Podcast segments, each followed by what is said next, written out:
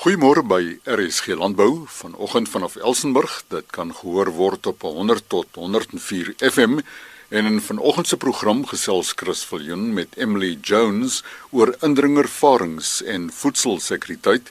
François Viljoen praat oor die 2018 wyndruiwe oes.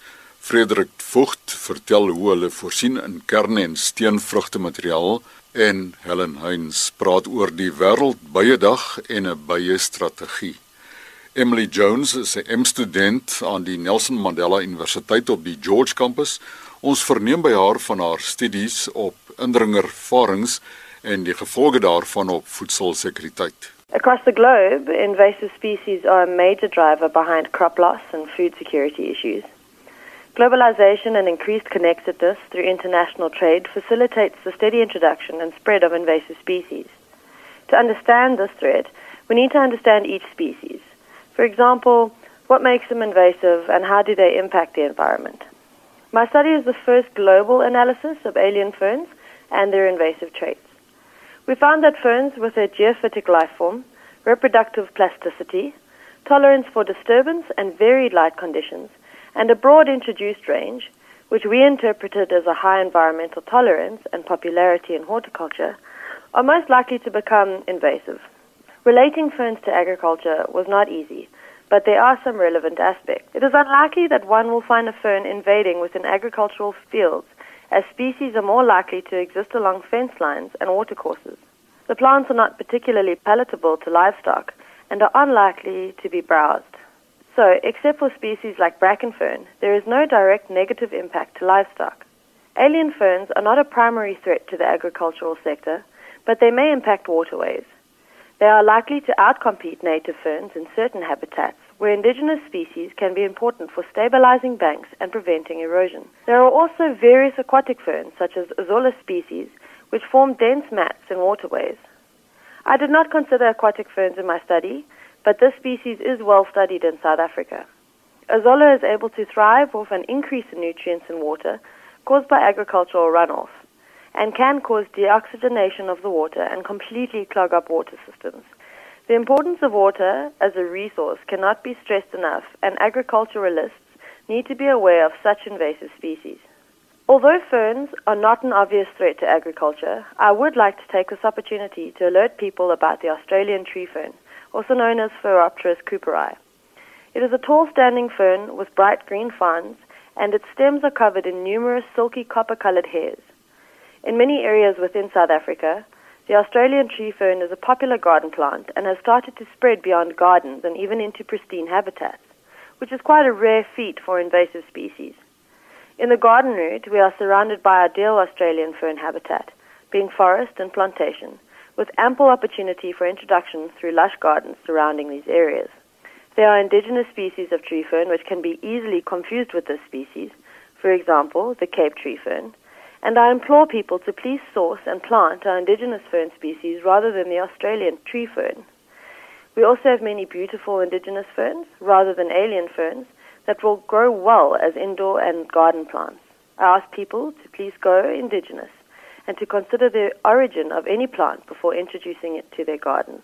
My email address is s for sugar 216016479 at mandela.ac.za. Emily Jones is 'n MSc student natuurbewaring indringer biologie aan die Nelson Mandela Universiteit se George Campus. Haar selnommer 0823040264. Dis 0823040264. Die 2018 SA wyndrywe oesverslag en syfers is vroeër die week vrygestel. Bestuurder Winpro Konsultasiedienste François Viljoen lewer kommentaar. Volgens hierdie verslag word dit as een van die uitdagendste en moeilikste seisoene ooit beskryf. Die oes was dan ook ongeveer 15% kleiner, dis nou op tonnemate as in 2017, wat dit die kleinste wyndrywe oes maak die laaste 10 jaar.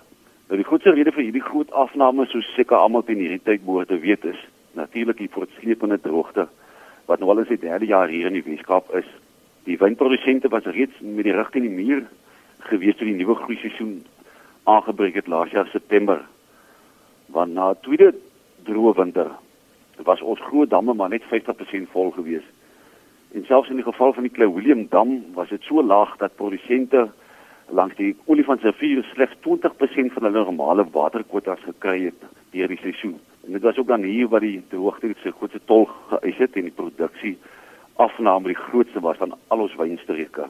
Ek dink ek moet sê dat ek regtig my hoed afhaal vir die Suid-Afrikaanse wynryksprodusente vir jaar, ja, asook die wynmakers wat hulle praktyk in die wingerd en keller aangepas het om die effek van hierdie watertekorte te buffer. Dit was regtig wel baie innovasie en baie goeie bestuur en hierdie watertekorte bestuur het dat eintlik baie moeilik is om veralgemenings te maak oor hierdie seisoen.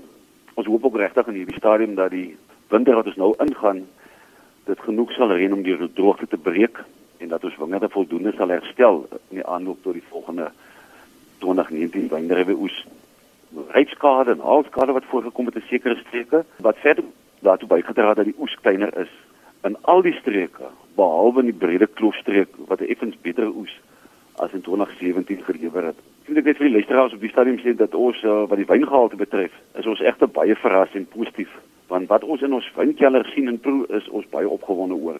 Ek dink ook ons wynmakers het goeie besluite en werk gedoen in die kelders. Maar natuurlik het die uh, natuur ook teruggegee in die droogte tydperk want die droë klimaat het gesorg vir baie gesonde druiwe en weens die waterbeperkings in die droogte was die korrelgrootte ook kleiner as normaal en dit sorg weer dat dit uh, meer jou kleure en jou geure konsentreer in die sap en die wyn uiteindelik. So miskien moet ek slotte sê dat vir die verbruikers van jaar net gerusstel dat hulle gaan nie teleeggestel wees met die 2018 oesjaar wyn in hulle glase nie. En dan as daar enige verdere media navraag is, kan jy gerus skakel met uh, Wanda Augustyn, telefoonnommer 021 276 0458 of hulle kan ook vir e-pos stuur vir Wanda vir meer inligting by wanda@wineland.co.za. Frans van Viljoen is bestuurder konsultasiedienste van Winpro. Navraag aan Wanda Augustyn by 021 276 0458 of e-pos wanda@wineland.co.za by wineland.co.za.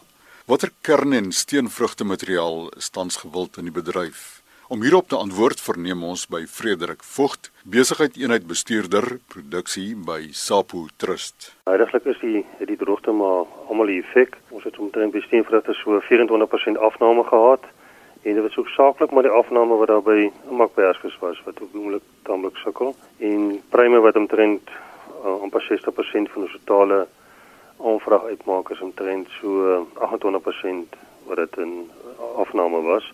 Maar nog steeds 'n uh, groot volume pryme wat uitgegee is van omtrent van die 2.5 miljoen materiaal wat uitgegee is, was pryme amper 1.5 miljoen gewees.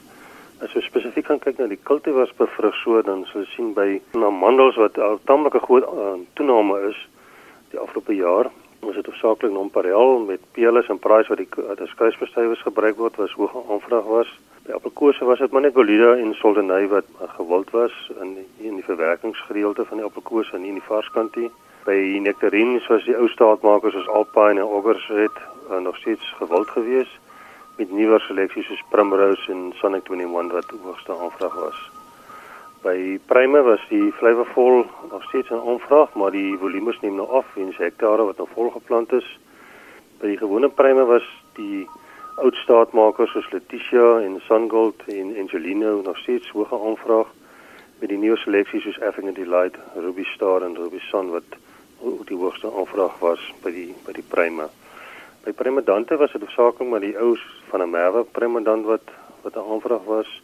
Soos genoem by Perskes was die is 'n taamlike afname gewees van omtrent 60% en was die maak seleksies soos Cascade en Casey en dan die vars eh, so sommers aan die gewildste geweest.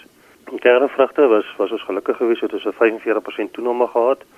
By appels was die toename so 64% en dit is hoofsaaklik maar as gevolg van die nuwe Gala seleksie Big Box wat die wat die hoogste aanvraag was. Ons amper 900 000 oogies uitgegee. Big Is 'n nuwe mutasie wat in 'n Gala boord gekry is in plaaslik in die Korregale boord, 'n mutasie daarvan. En ons het van 2011 af waar wanneer dit ontdek is tot nou toe het ons gespring na na 900 000 oogies wat ek dink 'n groot prestasie is die Afri-reeks van die plaaslike teelprogram wat lake hoofde seleksies het, was ook gewild geweest. Nog die ou staatmakers soos Ellie Redman, Galen Delicious en die VV en Granny Smit wat nog steeds hoë aanvraag was en dan ook Mana Red en Anagala Rollbuut wat 'n aanvraag was. By pere is daar so 21% toename gewees. Uh, Chiki plaaslike seleksie doen nog steeds goed. Die ou kultivars soos Alibon Crescent, Forelle, Peckham Strive wat ook nog steeds hoog aanvraag was. En dan Rosemary seleksie, dis 'n plaaslike telepea seleksie wat ons 'n nuwe mutasie ontwikkel het wat ook hoë aanvraag was. So in totaal 24% wat toename is en totaal vir appels en pere 45% toename. So is enige navraag is in terme van bestellings en as jy behoefte het, stuur jy e-pos na orders@saplant.co.za of kontak ons kantoor by 021 8876823. Die besigheid eenheid bestuurder produksie van Sapo Trust Frederik Vogt en plantmateriaal bestellings kan verkry word by orders by saplant.co.za of by telefoonnommer 021 887 6823. Wêreld baie dag en 'n baie strategie. Nou hieroor gesels Helen Heinz van die Wes-Kaapse Baie Strategie span. Min mense is bewus van die geweldige impak en belangrikheid van baie in ons voedselketting asook hoe die voortbestaan van baie wêreldwyd asook plaaslik bedreig word. 'n Geskatte 30% van voedsel, hoofsaaklik groente en vrugte wat essensieel is vir mense gesonde dieet, word deur baie bestuif. En sodoende vervul baie kardinale funksie om voedselsekerheid vir die mens te ondersteun. Is belangrik vir die voortbestaan van baie wêreldwyd geag dat die algemene vergadering van die Verenigde Nasies in New York in Desember 2017 'n resolusie aangekondig het dat wêreldwye dag voortaan elke jaar op 20 Mei gevier sal word. Met wêreldwye dag word beoog om die aandag van die algemene wêreldwye publiek te vestig op die belangrikheid van die bewaring van bye en ander pollineerders. Mense sal bewus gemaak word van die belangrikheid van bye vir die voortbestaan van die mens en hoe hulle kan konkrete aksies neem om baie te beskerm en te bewaar. Ter ondersteuning van ons plaaslike byeboerbedryf en beskerming van byekolonies in die Wes-Kaap, het die Wes-Kaapse Departement van Landbou in samewerking met die Wes-Kaapse Byevereniging die afgelope jaar aan 'n strategie gewerk. Hierdie strategie sal op 20 Mei deur middel van 'n persverklaring asook 'n program van die Wes-Kaapse Byevereniging geloods word. Inligting oor ondersteuningsaksies kan gevind word op die Departement Landbou se webwerf www.elsenburg.com of by 021 808 5008. Helen Heinz van die Wes-Kaapse Baie Strategie span en inligting hieroor op die webwerf van Elsenburg www.elsenburg.com of telefoonnommer 021 808 5008. In RSG Landbou môreoggend om 12:15 insa in die Wêreldkongres op dieregenetika wat verlede maand in Auckland, Nieu-Seeland plaasgevind het. Hulle het basies drie tipe skape wat hulle na kyk. Aan die een kant hulle die wol tipe skape en aan die ander kant het hulle die ehm um, wat hulle praat van die maternal breeds wat nou eintlik maar ooi ooi lyne is en dan het hulle nou die terminal breeds wat nou weer ramlyne is. En ek meen daar het dammetjie nou 'n baie interessante lesing gegee oor wat gebeur in elkeen van daai groepe diere uh, in terme van kuddes wat goed presteer en kuddes wat swak presteer en hoe hulle van mekaar verskil. En kyk, dis iemand wat nie noodwendige navorsing is, hy's 'n wat hulle noem 'n uitbreidingsbeampte amper wil ek sê by Meat and Livestock Australia. En dit was vir my baie interessant om na hierdie kombinasie van goed te luister en hoe hulle dit alles bymekaar maak om ek wil amper sê 'n volledige diens aan die produsente te kan lewer. Kan ons leer daaruit? Ek ek dink nogal ons kan leer daaruit. Ons het potensiaal om dieselfde soort van ding te doen uh, mits ons almal goed kan saamwerk en en mekaar ondersteun in alles wat ons doen. Die nuutste navorsing op dieregenetika dit môreoggend om kwart voor 12. Vandag se program kan weer gehoor of dan afgelaai word op die webtuiste www.elsenburg.com en vir enige navrae die telefoonnommer 072 142 1614 072 142 1614 vanaf Elsenburg is dit Chris Viljoen wat groet